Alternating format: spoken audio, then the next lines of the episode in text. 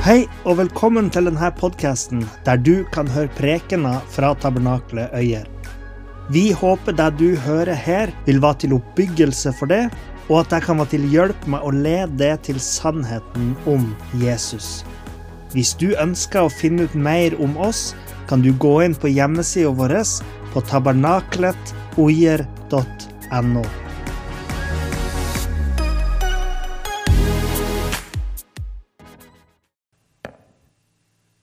for det. Til å se dere alle sammen. Det er en stund siden jeg sti her, og nå er vi samla igjen. Um, settingen for møtet er uh, satt. Det står ikke i Bibelen, står det. Så da kan vi jo legge igjen boka, for det står jo ikke her. Det er det som ikke står her, det er det vi skal si noe om. Lidelse og sykdom kommer alltid av synd, står det. Det står ikke i Bibelen. Så får vi se om det er sant. Eh, innledningsvis så har vi allerede fått satt eh, ordet. Eh, Paulus, nei, Peter han var forfulgt. Han var satt i fengsel når han opplevde det som vi hørte innledningsvis. Han var forfulgt som en Jesu disippel og opplevde lidelse ved det. Og han opplevde undre ved å gå Herrens vei. Han fikk på, gå på vann, han opplevde Guds storhet og alt det andre som vi har hørt om. Og så står det i Bibelen at om vi har tro som et sennepskorn, da tar til fjellet, og det skal stå stille, står det. Det står ikke i Bibelen. Nei, da sier Tal til fjellet at det skal løfte seg opp og kaste seg i havet, står det. Og det skal gjøre det. Det var det motsatte som skjedde da på Vestlandet, når fjellet stoppa oppe i bergkanten og ligger der fremdeles. Så for Gud er ingenting umulig. Alle naturens krefter dem rår han over, og, og over våre liv. Ja, så var det litt om dagens eh, tema. Det er en utfordring, skrev jeg til Niklas når jeg så at jeg kunne ta den. Det er en utfordring. Jeg liker best å snakke om det som står i Bibelen, men jeg havner nok der. Lidelse og, kommer, eh, lidelse og sykdom kommer alltid av synd. Da vil jeg først stille et spørsmål. Er det noen ting som kalles synd i dag?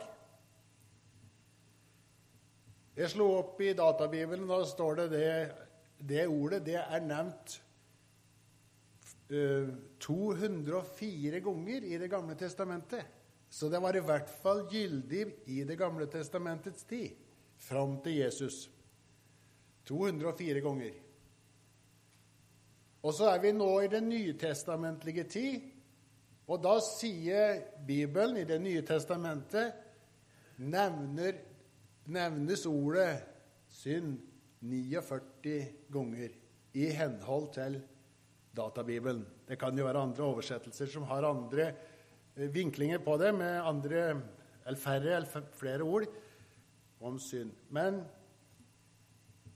vi vet at synd, det har alltid eksistert. Og så vil jeg spørre hva er synd? For det er ikke like enkelt å si noe om. Jeg vet ikke om dere har en definisjon på hva synd er. Lyge er vel synd. Å stjele er synd. For det står noe om det i de ti bud. Men jeg vil, jeg vil, snevre det inn litt, og så vil jeg si det som så at synd er ulydighet mot Gud og mot Guds vilje. Da har vi dekka et veldig stort spennområde. Og vi kan ta med et bibelvers som står i Det er mørkt her, så jeg må ha litt mer lys, men får dere bak her, så er det enda bedre. Um, det er jo en kar som vi har hørt om før. Han heter for Adam. Han var den første som utførte synd sammen med sin hustru, kone. Det var Eva, og ikke min Eva, for hun kom senere etterpå. Men da står det slik om eh, det som Gud sier til Adam.: Fordi du lød din hustrus røst og åt av treet som jeg forbød deg å ete av, så skal jorden være forbannet alle dine levedager. Altså alle menneskets levedager. Hvorfor? Jo, fordi du åt av treet som jeg forbød deg å ete av. Det er grunnen. Det er grunnenheten. Han hadde talt om hva som var Guds vilje, og den trådte dem over ved å gjøre imot det som Gud hadde sagt. Så er det da spørsmålet som vi kan stille oss for i dag, om dette her er noe som gjelder fortsatt nå i 2020. Av og til når jeg hører på andakter, hører på eh, forkynnelse noen ganger, og leser i avisa, og hører på radioen, ser på TV-en, så finnes ikke ordet synd. Alt er tillatt. Alt er lovlig så lenge du føler for det. Derfor så kan du spørre deg sjøl fins dette i ordet synd i dag. Gjelder fortsatt.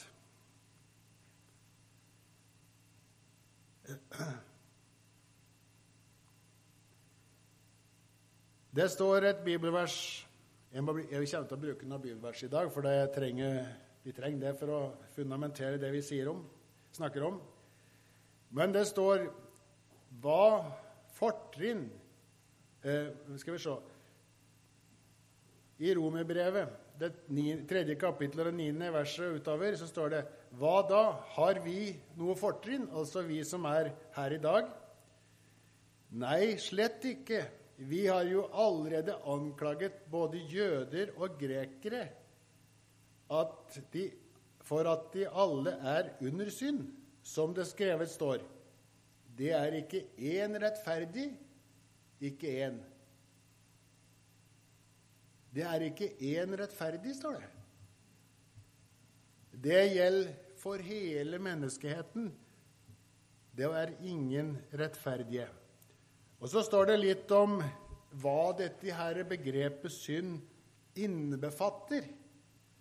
Og det treffer godt på dagens situasjon, etter det synes det i hvert fall å oppdage. For det snakkes om det som er menneskets gjerninger. Det, sier, det sies her kjødets gjerninger, da. Kjødet og mennesket det er jo ett betegnelse på oss. Det står i Galaterbrevet 5,19.: Kjødets gjerninger er åpenbare. Det er slik som utukt, urenhet, skamløshet, avgudsdyrkelse, trolldom, fiendskap, trette, avvindssyke, sinne, ærgjerrighet, splittelse, partier, misunnelse og mord og drukkenskap og svirelag og annet slikt. Om dette sier jeg dere på forhånd, som jeg også før har sagt dere, de som gjør slikt, skal ikke arve Guds rike. Jeg tror vi gjenkjenner mange av de tingene her i det samfunnet vi lever i tid. Og da er det en alvorlig betegnelse, det siste som står i den siste setningen vi leser. De som gjør slikt, skal ikke arve Guds rike.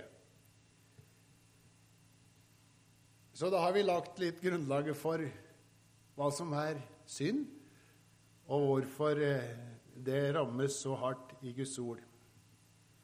Og så står det, har jeg skrevet, får jeg si Kan lidelse og sykdom komme av synd? Kan det det? For når vi har lest opp det vi nå ser er en del av det som rammes av ulydighet mot Guds ord og mot, mot Guds vilje, så spør, spør vi oss sjøl kan det rammes av sykdom og lidelse. Ja, det kan du si. Det er ganske opplagt. Lidelse Daglig hører vi om hva som skjer ved forsøk på mord, mord, ut, utukt, urenhet osv. Jeg bør ikke så nevne opp alle de tingene, men det er mange som lir.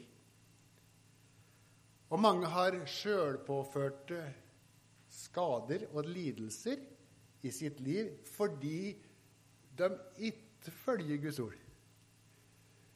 Eh, jeg kan ta noe som er ganske opplagt. Ta f.eks. narkotika. Hva fører det til? Jo, en kortvarig rus og lykkefølelse, og deretter lidelse, prøvelser og vanskeligheter. Og mm, når det kommer til utruskap og ekteskapelige omganger, omgang, så sitter det alltid noen med lidelse i etterkant, utafor den som er svikta. Det er en sammenheng. Hvorfor har vi Guds bud? Og hvorfor har vi Guds retningslinjer? Og hvorfor snakker Bibelen så tydelig om at synd er det onde?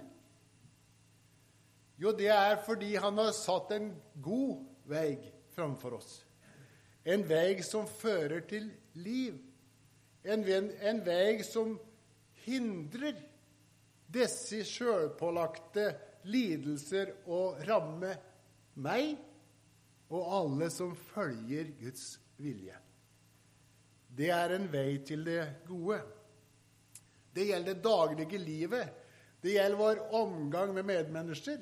Det gjelder vår omgang med familien. I alle utstrekninger så har vi dette med oss.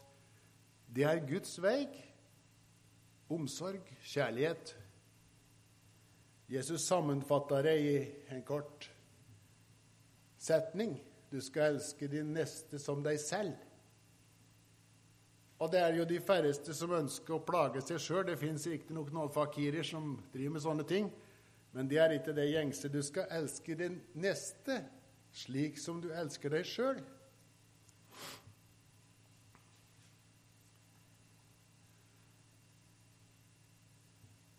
Når jeg er ute og kjører bil, så har jeg av og til lyst til å bryte loven.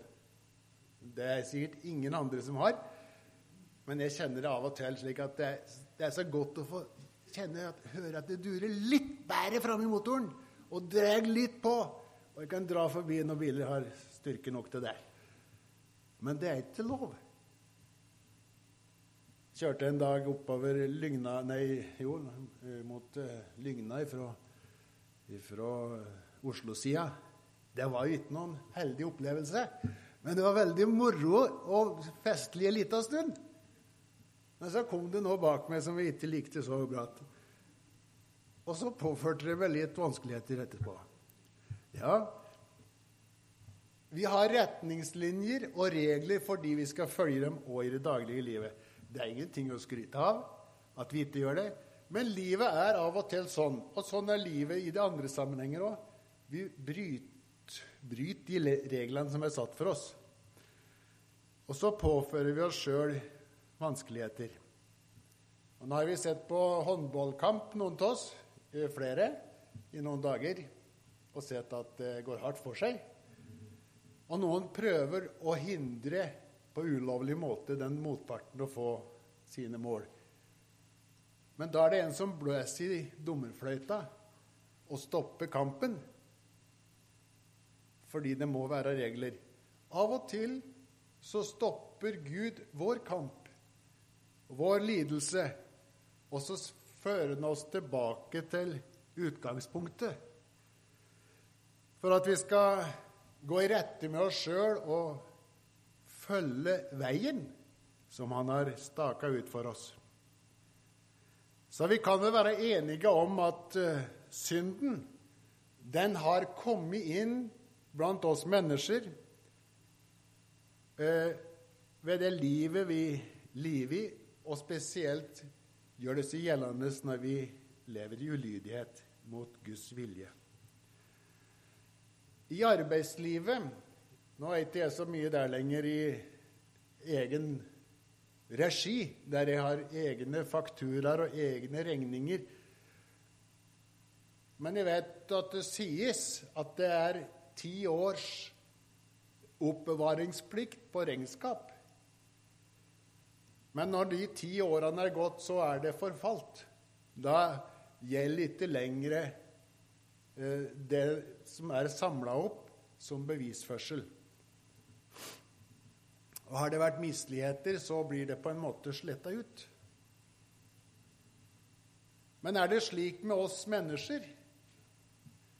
Er våre misgjerninger, våre urettmessigheter, lagt døde og tilintetgjort, så ingen kan gå i rette med dem etter ti år? Nei, de henger fast ved oss hele livet.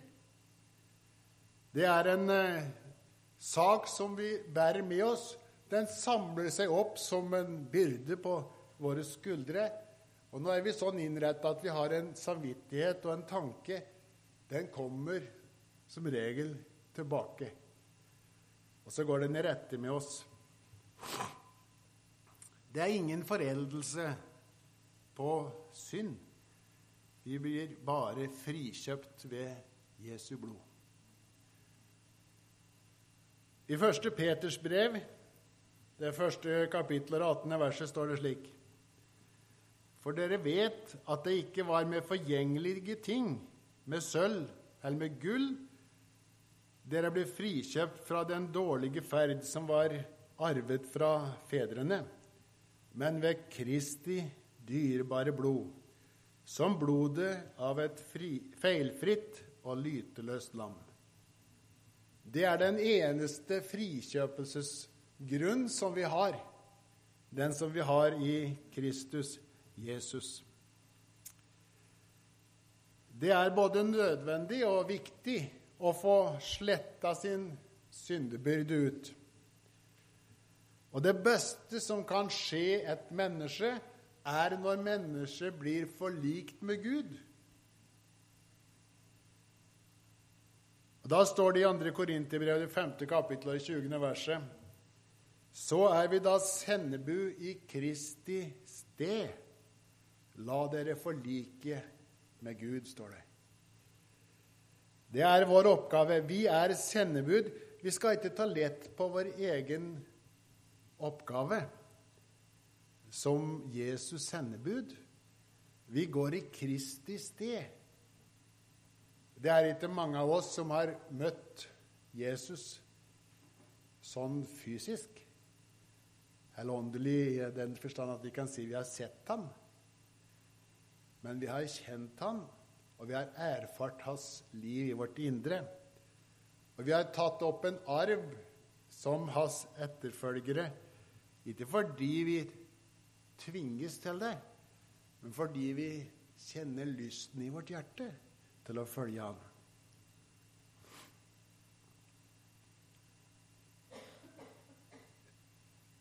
Overskriften i dag var 'Lidelse og sykdom kommer alltid av synd'.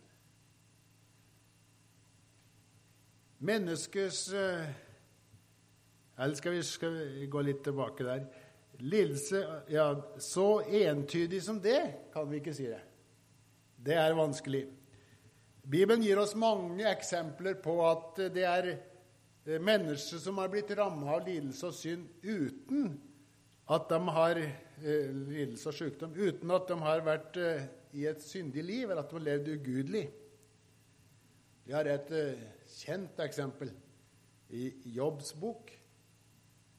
Det står at Jobb han var gudfryktig. Han var uklanderlig. Det er jo ikke alle, Vi kan ikke alle si det, at vi er uklanderlige, men han var det. Og rettskaffen på alle områder og frykta Gud og holdt fast holdt seg fra det onde, står det om jobb. Og på hans samtid var det ingen maken. Det står regna opp all hans eiendom. Hele hans familie var velsigna. Han hadde en stor familie. Og hans dyr var jo ikke bare 100 sauer, som noen av oss syns er bra, men det var tusenvis. Kameler og dyr av alle slag som var i hans besittelse, og hans familie som beskytta de dyrene da, og tok vare på dem. Men midt i alt det her så kom vår anklager, djevelen, framfor. Det står at Gud samla sine engler. Og djevelen han kom framfor Gud og sa det er ingenting rart med, med jobb. Sjøl om du skryter av han, så har han bare hatt gode dager. Han har aldri hatt noen grunn for å si deg imot, for han er velsigna av alle framfor alle. Og så tillater Gud at Jobb skal få oppleve prøvelse, for at han skal få vise, at Jobb skal få vise at han er eh, gudfryktig i alle fall, hva enn som rammer han. Han mister alle dyrene sine. Han mister familien sin. Han blir ramma av sykdom. Han sitter i grua, peisen, og skraper med potteskår av skurvene på sårene han har på legemet. Hans venner kommer for å trøste ham, men gjør egentlig det motsatte. De rammer så sier de, hvorfor, 'Hvorfor forlater du ikke din Gud?' når alt dette har rammet deg. Men Jobb står fast gjennom all lidelse inntil han er igjennom. Og så ser han på nytt Guds velsignelse flyte over sitt liv.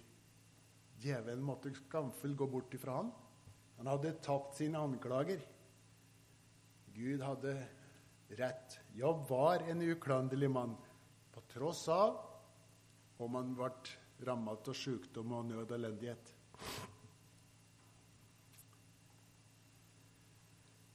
Det står i Jakobs brev, det første kapittelet, det 13. verset. Ingen som blir fristet, må si det er Gud som frister, frister meg. For Gud blir ikke fristet av donne, og selv frister han ingen. Gud frister ingen. Vi ber i Fader vår, led oss ikke inn i fristelse. Tillat oss ikke å komme i fristelse. Det er en bønn som vi skal be. Det er etter Guds vilje. Han vil beskytte oss, han vil bevare oss. En dag så møtte Jesus en eh, blind mann. Og denne blinde mannen, han eh, jo, var jo, som vi kan forvente, plaga av sin lidelse. Han var i nød. Og Ikke nok med at han hadde det, men folket ramma han med å si at Se der, han har synda. Så kjenner de til Jesus, og så sier de, 'Hvem er det som har synda?' Er det han eller deres foreldre, siden han er født blind? Da kan du jo si hvordan kan en nyfødt baby ha synda? Han var jo født blind. Da måtte det i tilfelle være arvesynd, men jeg har ikke så tro på det. Og Jesus sier det slik Nei, verken hans foreldre eller han sjøl har synda, men det har skjedd fordi at Guds herlighet skal åpenbares på ham. Der Guds gjerninger skal åpenbares på ham, står det. Altså, det er ingen årsak til vår lidelse i denne sammenheng med at vi bærer med oss en byrde fra forne dager. Vi rammes ikke av lidelse fordi vi har synda alltid. Jeg har nevnt ting som kan føre oss i lidelse og sykdom, ja, men det er ikke alltid sånn. Og vi kjenner at oss sjøl når vi eh, begynner å stille et spørsmål rundt ting som skjer med oss. Hvorfor har dette skjedd meg? Hva galt har jeg gjort? Og hvorfor er jeg sjuk? Hva er det som skjer? Det er spørsmålet vi stiller oss av og til. Men da skal vi ikke ta det inn over oss på den måten. Det er ikke dermed sagt at det er vår skyld. Men Gud tillater det å skje. Har tillatt det. Um, Paulus han uh, var en gudfryktig mann. Vi leser om han i alle hans spesielle livssituasjoner der han følger Gud. Han lider for Gud. Han lider faktisk for Jesus. Fordi han er blitt en troende, så rammes han av lidelse. Han nevner opp han har blitt nær saga over og piska nær 40 ganger, 39 ganger, eh, to ganger osv. Han, han har hatt, opplevd lidelse fordi han var en troende. Men det er den vondes verk ofte, oftest, som påfører oss lidelse for at vi skal fornekte vår Gud, gi opp troen, forlate Jesus. Han ba sjøl, Paulus, som hadde utretta så mange mirakler og vært vitne til så mange mirakler, så ba han Gud ta bort hans lidelse. Vi trenger ikke gå inn på hva slags lidelse han har, men hadde, men jeg tror han hadde svakt, svake, svaksyn, da. nærsynt. For det står, Han, han, skri, han sier det sjøl eh, når han skriver brevet Se med hvor store bokstaver jeg skriver til dere, skriver han. Ja, det er jo ofte tenkt på at du ser litt dårlig hvis du må ha store bokstaver for å se. Jeg trenger litt større bokstaver i dag eller gjorde det før. Jeg kunne lese den minste skrift før på klokka mi som var innskribla. Jeg klarer ikke det lenger. Jeg må ha større bokstaver. Men Og så hadde han dratt til et sted som hadde salve for, olje, olje, øynene og forskjellige ting. Men la, la det ligge. Men Paulus får et annet svar enn han hadde venta, som Guds mann. Han får det svaret at 'min nåde er deg nok'. Han måtte tilfredsstilles med det. Han måtte være fornøyd med det. Noen ganger så opplever vi at vår lidelse og vår prøvelse rammer oss fordi vi bedre skal være i stand til å hjelpe andre som er i lidelse, slik at de kan se hvem Jesus er, og ta imot ham.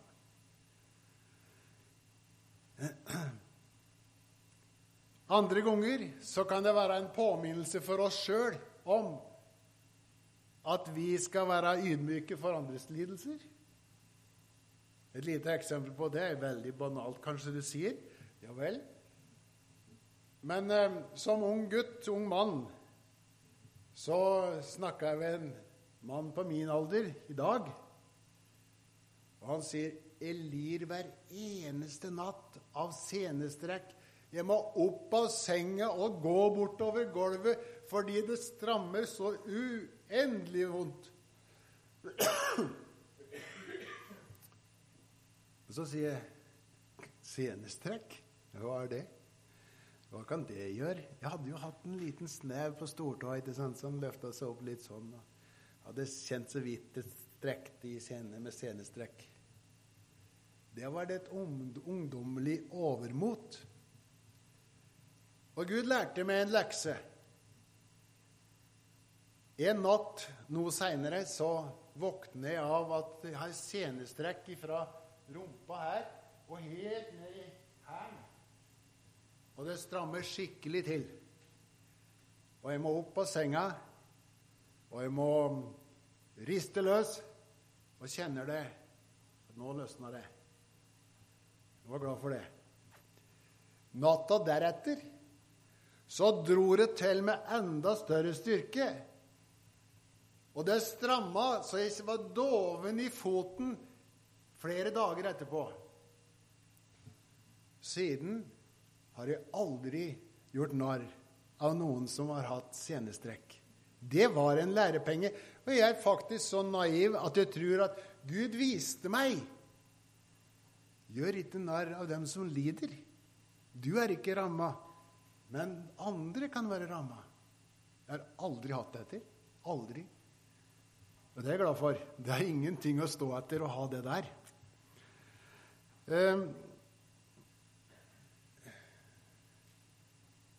Når vi snakker om dette med lidelse og sånne ting, så er det, det er så mange ting, og vi kan ikke fyldestgjøre det med det vi sier her i kveld. Det er vanskelig, for det rommer så mye. Men Bibelen sier ikke at det er synd som gjør at vi rammes av disse ting, for alle ting.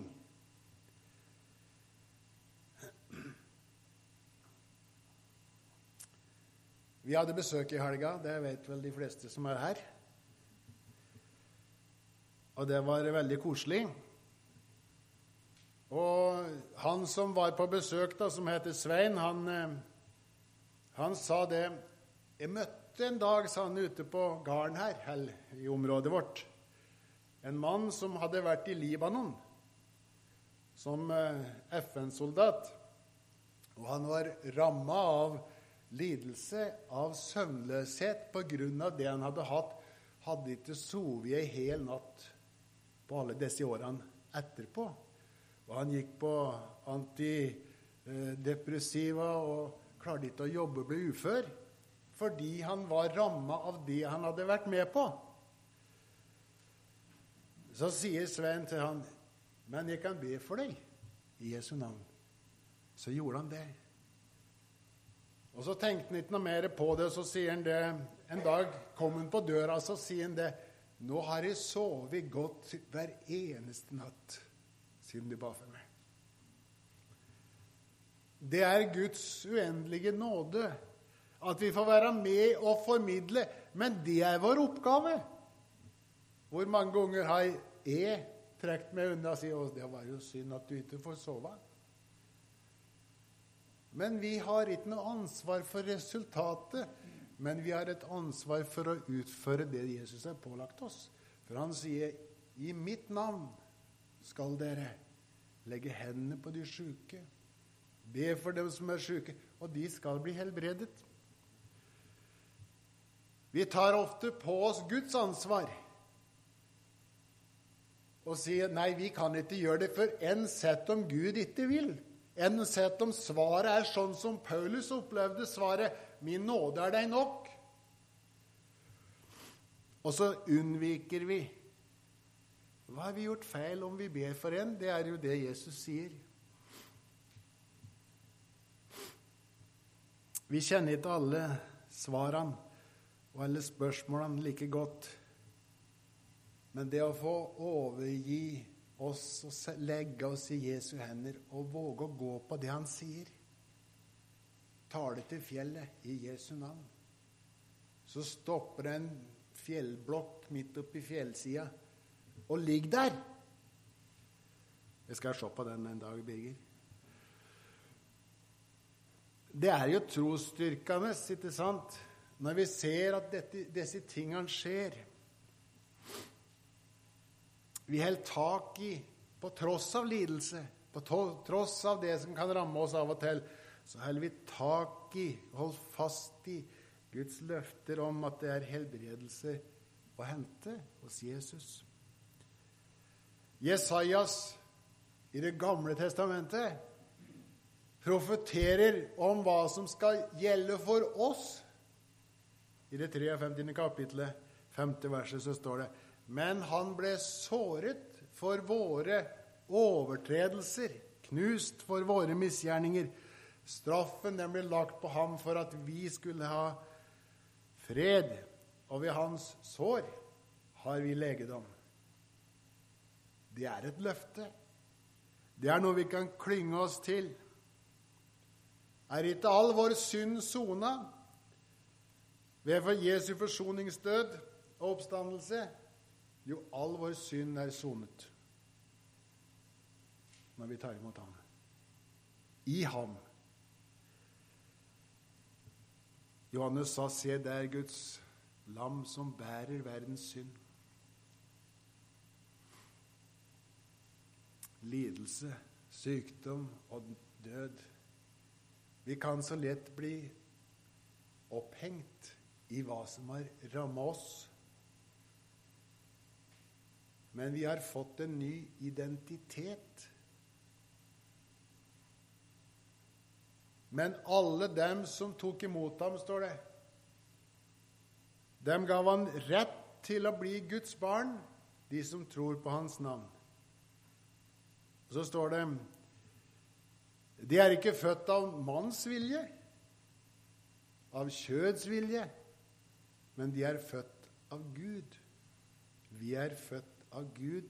Vi har fått en ny identitet. Det er ikke vår lidelse som er vårt hovedfokus. Det er ikke våre legninger som er vårt hovedfokus. Det er ikke våre ønsker som er vårt hovedfokus, men det er Jesus brud. Vi er Jesu brud. Vi er hans frikjøpte mennesker. Han har fått herredømme i livet vårt. Det er utfordrende, det å overgi seg til Jesus. Men det er frigjørende òg. Det er utfordrende fordi vi må gi slipp på vårt eget liv. En som vi hadde med oss på alfakurs en gang, som var utfordra om å ta imot Jesus, sa det slik Jeg kjenner det bryter i meg, sa han. Det er en brytning. Gi slipp på seg sjøl. Men det er frigjørende så. Jesus sier det at uh, i Johannes 8, 36 Får da Sønnen frigjort dere, da blir dere virkelig fri. Det er som å legge et puslespill. Guneva liker det. Legge puslespill. Har ett på 1000 brikker, som hun la nå siste gangen. Hvis det mangler én, så er det veldig tankebry ved det. Hvor er den brikka som mangler? Men når vi finner den, så er bildet fullstendig. Jesus er den brikka i livet vårt som mangler, som gjør at ting faller på plass. At vi kan kjenne Å, så deilig. Bildet er fullkomment.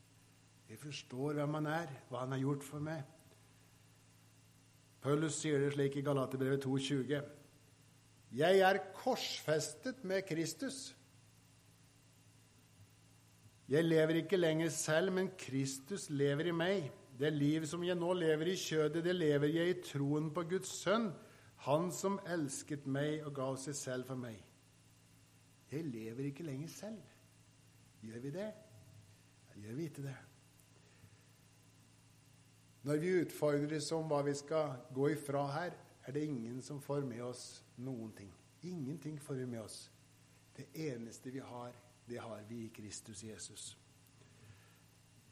Jeg må ta med det jeg begynner Klokka var, fløtt. Jeg vet ikke om dere la merke på det, men Jeg liker best når klokka står, egentlig, for da er det fri. Men um,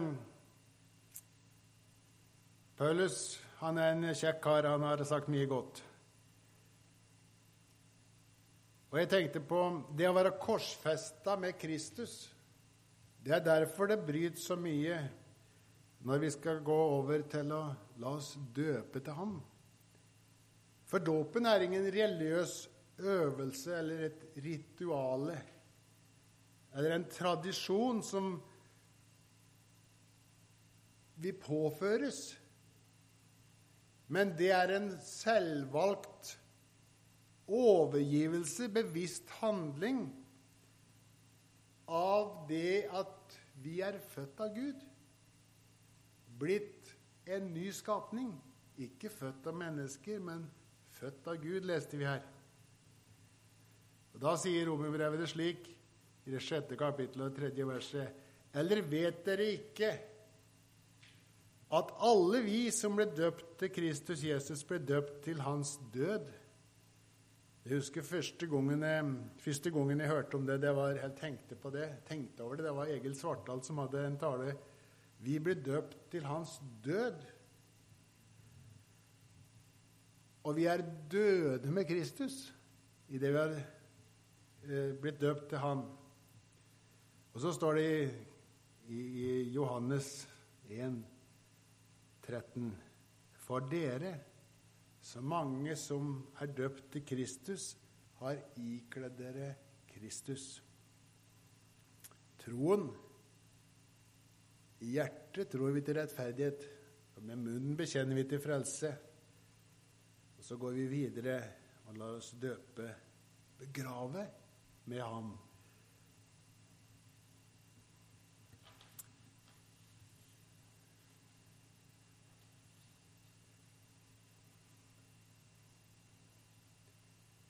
Når det gjelder våre liv, så er det bare Jesu forsoningsdød som setter oss i frihet.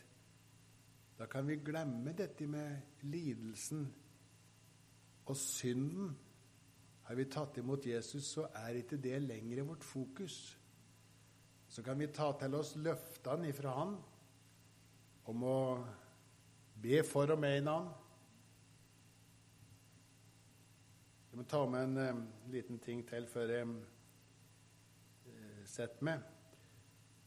Det var òg nå i helgen, så jeg, Noen har sikkert sett at jeg har gått sidelengs, mer eller mindre. Og så sier Svein at uh, nå skal vi be for dere, og dere skal be for oss. Så ber han for legemet mitt, Guneva, og ryggen min og og hjertet. Og Denne uka her har jeg faktisk ikke hatt vondt i ryggen. Jeg måtte jo ringe og fortelle om det. Jeg tror jo at Jesus helbreder, og jeg har trodd det hele tida. Jeg har ikke blitt 20 år igjen, men jeg har ikke hatt vondt i ryggen. Enkelt. Ja. Guds løfter er med oss. Så la oss ha frimodighet til å søke Ham for alle våre livssituasjoner. Be Ham om hjelp. Han er trofast og rettferdig. Han hører oss når vi ber. Så la oss gjøre det. La oss be. La oss komme fram for Han med bønner og påkallelse, takksigelser, glede. Vi er en ny skapning i Kristus Jesus. Og så skal vi en dag rykkes opp i skyene sammen med Han. Enten vi er lamme, halte, døve, blinde, friske Måtte vi alle stå der og rykkes opp sammen med Han. Kjære himmelske Far. Takk at du har tatt våre byrder. Våre skrøpeligheter har du båret. Og du har gitt oss helbredelse, frigjørelse, først i vår ånd og i våre legemer. Alt er av nåde fra deg. I Jesu navn. Amen.